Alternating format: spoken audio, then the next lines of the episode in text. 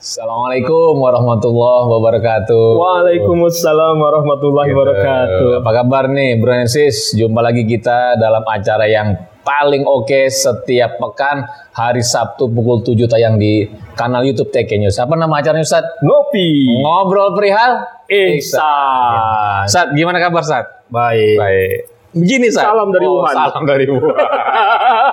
Jadi nyebut salam dari Wuhan? nih? Iya, karena kita topiknya mau membahas ini nih tentang virus corona. Memang Oh, virus corona. kan berasal dari Wuhan, Ustaz. Wuhan. Ini jadi Bro Enesis nih kita salaman pun nggak bersentuhan nih ya. Oh, iya. Kali ini kita menjaga jarak, social distancing, Distancing. Ah, gitu kan. Ya. Karena memang pemerintah menganjurkan seperti itu, Ustaz. Tapi tetap nggak merusak silaturahim. Oh tidak. Salam yang penting maksudnya sampai dari hati ke hati. Iya, yang penting transferannya Ustaz. Eh,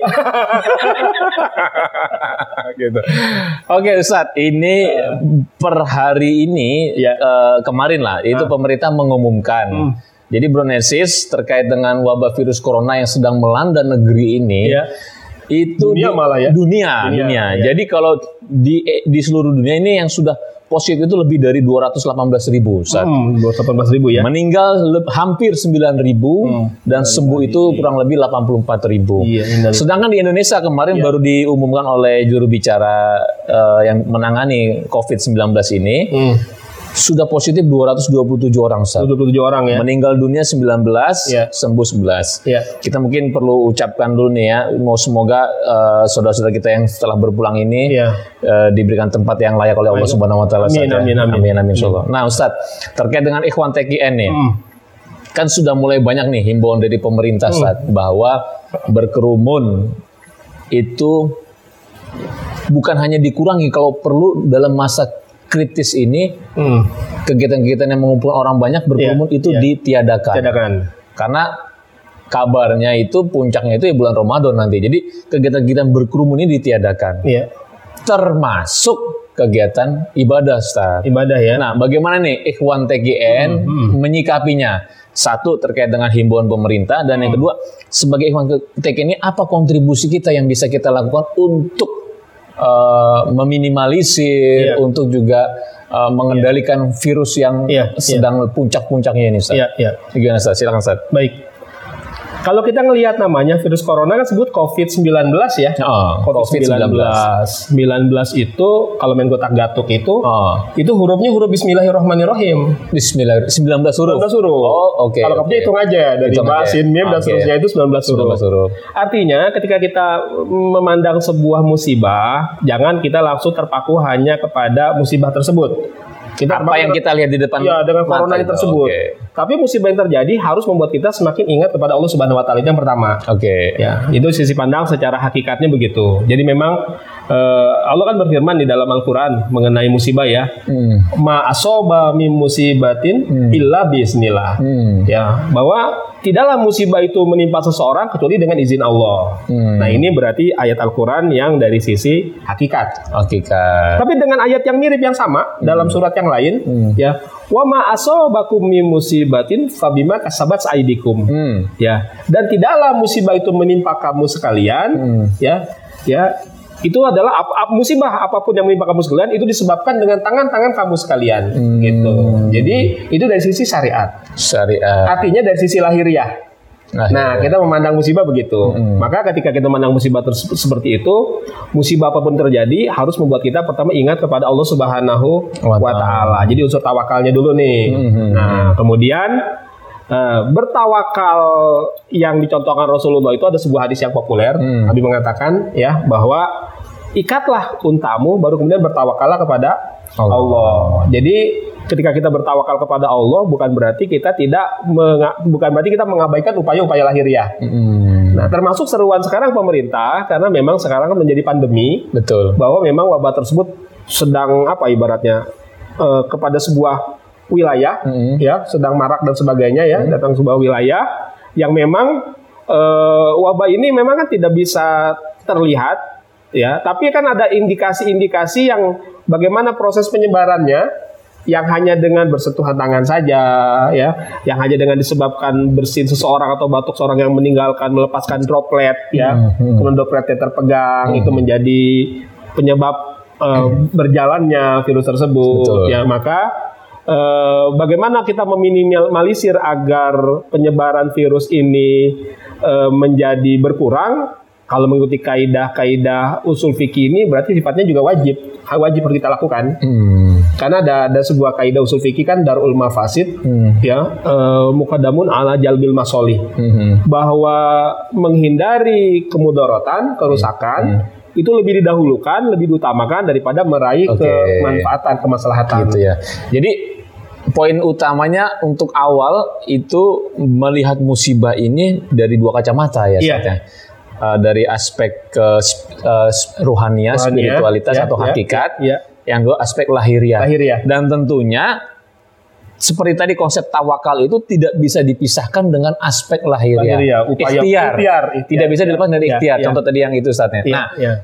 himbauan ini sekarang kan cukup pro kontra Ustaz. Iya. Ada yang uh, mengatakan bahwa virus corona ini adalah makhluk Allah. Iya. Itu kan. Kita nggak perlu takut mati dengan corona. Iya. Ibadah ini sholat Jumat, Iya, iya. sholat-sholat lainnya segala di masjid, justru jangan terpengaruh. Hmm. Padahal himbauan pemerintah kan sebenarnya masalah berkerumunnya ini, Berkerumunnya. bukan sholat. Bukan melarang sholat. Jumatnya. Tetapi ada sebagian Ustaz yang mengatakan bahwa kita Iya. masa kita takut mati kan Iya, gitu kan. iya, iya. Jadi gini Ustaz, uh, melihat konteks seperti ini Ustaz. Iya.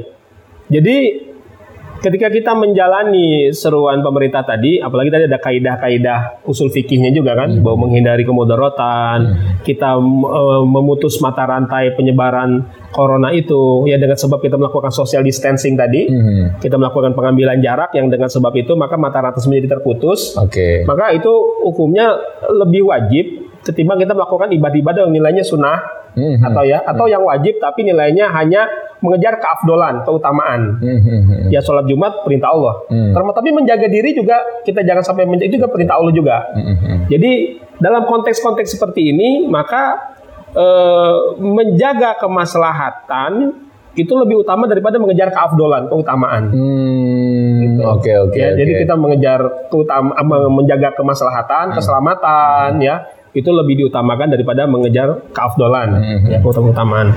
Maka seruan pemerintah tadi pun bukan berarti meniadakan, menghilangkan sholat Jumat, ya kan? bukan di ibadahnya. Ibadahnya, karena kan juga sholat Jumatnya diganti dengan sholat Zuhur, Zuhur. yang pada hakikat juga kita ibadah kepada Allah. Oke, dan- dan Cuma itu- dalam kondisi yang lebih aman, Hmm. lebih meminimalisir terjadi penyebaran COVID-19 untuk ini. memutus, mata gitu. rantai penyebaran. Dan itu juga untuk wilayah yang memang sudah memiliki resiko, Resiko tinggi. tinggi, iya. Ketika di wilayah itu eh, diputuskan oleh eh, pemerintah untuk tidak diharapkan tidak melakukan berkerumun dan nanti sholat Iya, Jumat, iya. ya kita masih ada alternatif lagi sholat zuhur. Sholat zuhur. Itu untuk untuk wilayah yang pun memiliki resiko, tinggi, gitu saat ya. Ada Bukan berarti yang, pukul rata. risiko rendah, Oke. tetap dilakukan sholat Jumat. Sholat Jumat. Kan fatwa MUI-nya begitu. Tentu dengan juga eh, beberapa ketentuan-ketentuan yang pasti harus dilaksanakan Laksanakan. tentang kebersihan itu ya, saat ya. misalnya masjid mesti mempersiapkan salat cuci tangannya, Hmm. seperti yang berangkat ke masjid juga membawa sejadah sendiri, Oke, dan oke. seperti itu. Nah, jadi himbauan pemerintah ini sebenarnya memang harus kita ikuti kalau begitu, Ustaz. Ya, ini kalau Iwan Tekian kan kalau kita ikut tanbi kan, Hmm, ya ada seruan-seruan berapa kali taat kepada agama dan negara. taat kepada gitu. agama negara sampai tujuh kali itu Oke, oke. agama dan negara. Negara, gitu. Ya, jadi upaya kita itu bagian daripada upaya eh, lahiriahnya. Kalau wilayah kita hakikat tauhidnya, tetap kita selalu munajat kepada Allah. Oh, oh. Kan ada amalan-amalan guru kita. Apa tuh, Ustaz? Nah, tadi kan tadi kan lahiriah nih bahwa kita Hmm. eh, satu yang paling sederhana itu adalah kita mengikuti himbauan yang diberikan oleh pemerintah. Pemerintah. sudah banyak lah bagaimana social distancingnya, bagaimana Iya, pribadi kita harus iya, menjaga iya. itu kita nggak bahas di sini Iya, karena iya. memang sudah banyak. Tetapi Iya. intinya adalah mengikuti apa yang dihimbau oleh pemerintah, Pemerintah. gitu kan. Nah yang kedua aspek hakikatnya ini Ustaz. Mungkin apa Iya. yang bisa Iya. uh, kita gali Ustaz? Iya. Bahwa tadi kan bahwa musibah itu tidak menimpa seseorang kecuali dengan izin Allah. Hmm. Ya bahwa jadi berarti sumber manfaat mudarat itu kan Allah. Hmm. Ya, kalaupun musibah itu datang kepada kita, tapi kalau Allah tidak mengizinkan sampai, tidak akan sampai secara hakikat. Hmm. Ya, itu keyakinan tauhid harus seperti itu. Hmm. Maka ya kita bermunajat saja kepada Allah, sang pemilik COVID-19 sang pengendali COVID-19. Hmm, Kalaupun COVID bertebar sekitar kita, yang penting jangan kena kita. Mhm. Itulah kita ada amalan dari guru kita, namanya amalan sebut daful bala. Lidah fil bala. Ya, atau lidah Daful fil bala, ya. bala. Jadi dafil Sholatnya juga ada tuh Ustaz ya? ada ada sholatnya, ada doanya. Mhm. Bahkan Iwan Tekien ya dibimbingkan oleh guru kita mengamalkan lidah fil bala ini dua kali dalam sehari semalam. Oke. Kapan aja tuh Ustaz? Pertama, ketika kita menjelang sholat subuh. Sholat subuh. Setelah kita sholat sunnah qobliyah subuh, Qobliyah subuh. kita melakukan sholat sunnah lidah Lidah fil bala. Yang bacaannya sudah disampaikan kan waktu yang kajian Sudah. ya. Ada dua alam Ustaz ya? Ya, dua alam. Alam Nasro, dan alam Taro. Alam Taro. Siapa yang mengamalkan amalan dua alam Ah. akan terselamatkan di dua alam. Itu Dua istilah al hikmah begitu. Maksudnya alam Nasro dan alam, Alam Taro. Taro, oke. Lalu di lapil bala yang kedua Ah. ketika setelah sholat fardu isya. Hmm. Jadi yang dua rokat juga sama dikerjakannya setiap rokaat eh, set- eh, membacanya sama ayat kursi dan al-ikhlas, al-falak dan an-nas. Nah, surat favorit. Mm. Nah, surat itu, itu sholatnya ya. Sholatnya. Ada doanya. Doanya doa- gimana? Doanya memang doa lidah ilbala yang dibaca yang biasa dibaca setiap setahun sekali. Setahun sekali. Tapi dalam kondisi-kondisi begini boleh dibaca setiap hari, setiap waktu. Oke. Apa Doanya tuh doanya, bagus. Jadi doanya ini bunyinya begini dikenal dengan doa rihil ahmar, Hmm. ya. Eh, kalau dalam doa ini doanya munfarid tapi bisa dijadikan jamak ya Hmm. bentuk kalimatnya Allahumma inna na'udzubika bikalimatika tammati kulliha. Minarihil ahmari wa minadail akbari fin nafsi wadami wal lahmi wal uzmi wal juludi wal uruq Subhanaka iza qadaita amran antakula lahu kun fayakun Allahu akbar Allahu akbar Allahu akbar bi rahmatika ya arhamar rahimin. Tuh doanya maknanya cakep banget lagi maknanya. Ini kayaknya doa yang sholat lidah fil bala tahunan ya, Tahunan. Rebo Wakasan. Rebo Wakasan. Ah, jadi selain itu kita Boleh dibaca setiap dalam kondisi-kondisi Oke. seperti ini boleh dibaca setiap waktu. Nah, eh, sebelum tadi ngebahas tadi makna dari doa itu, Ustaz. Mm. Itu ada yang nanya via apa namanya eh, IG, ide inbox, boleh nggak menjalankan lidah fil bala di luar waktu-waktu itu? Ustaz, ada yang nanya begitu. Nah, Kalau bicara boleh, boleh. Hmm. Ya kan karena wastainu bisobri wasola. Hmm. Tapi yang terbaik itu kita melakukan amalan apalagi pengamal torikoh itu bertabaruk. Hmm. Jadi kalau guru sudah membimbingkan tadi waktu subuh ya sebelum subuh Hmm. dengan waktu isya. Tapi kalau bicara boleh, boleh. Silakan aja. Karena wastainu bisobri Iya. wasola. Namun yang terbaik ikuti Ikut apa yang disampaikan oleh guru. Doa itu mungkin sehari udah dua kali, Ustaz. Iya. Bangun tidur, jelang tidur. Jelang tidur. Gitu kan. Alhamdulillah. Nah, terkait doa tadi doa Rihil Amar ya, Ustaz. ya? Iya, iya. Apa Ustaz? Makna di situ, Ustaz? Oh ya, jadi doanya nih ya tadi saya artikan saja. Hmm. Ya Allah, kami berlindung kepadamu dengan kalimatmu yang sempurna menyeluruh. Hmm. Ya, dari apa? Pertama minarihil ahmar dari angin merah. Hmm. Ini kalau bahasa lainin dari santet guna-guna, teluh ya, ilmu hitam, Mm-mm. rihil ahmar.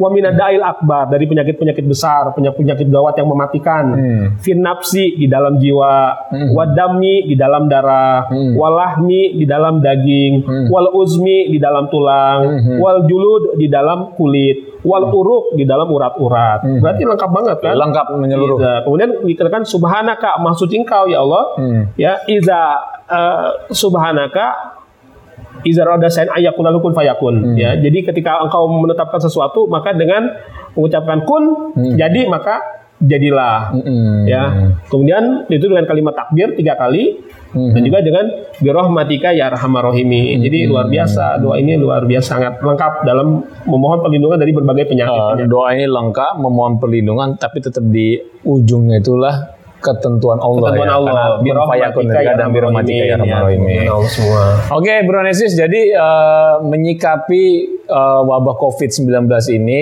sebagai Ikhwan TKN ada dua kacamata yang kita gunakan, kacamata spiritualitas atau rohaniah atau kacamata hakikat, yang kedua kacamata lahiriah. Kalau kacamata lahiriah praktisnya mudahnya ikuti himbauan yang disampaikan oleh pemerintah.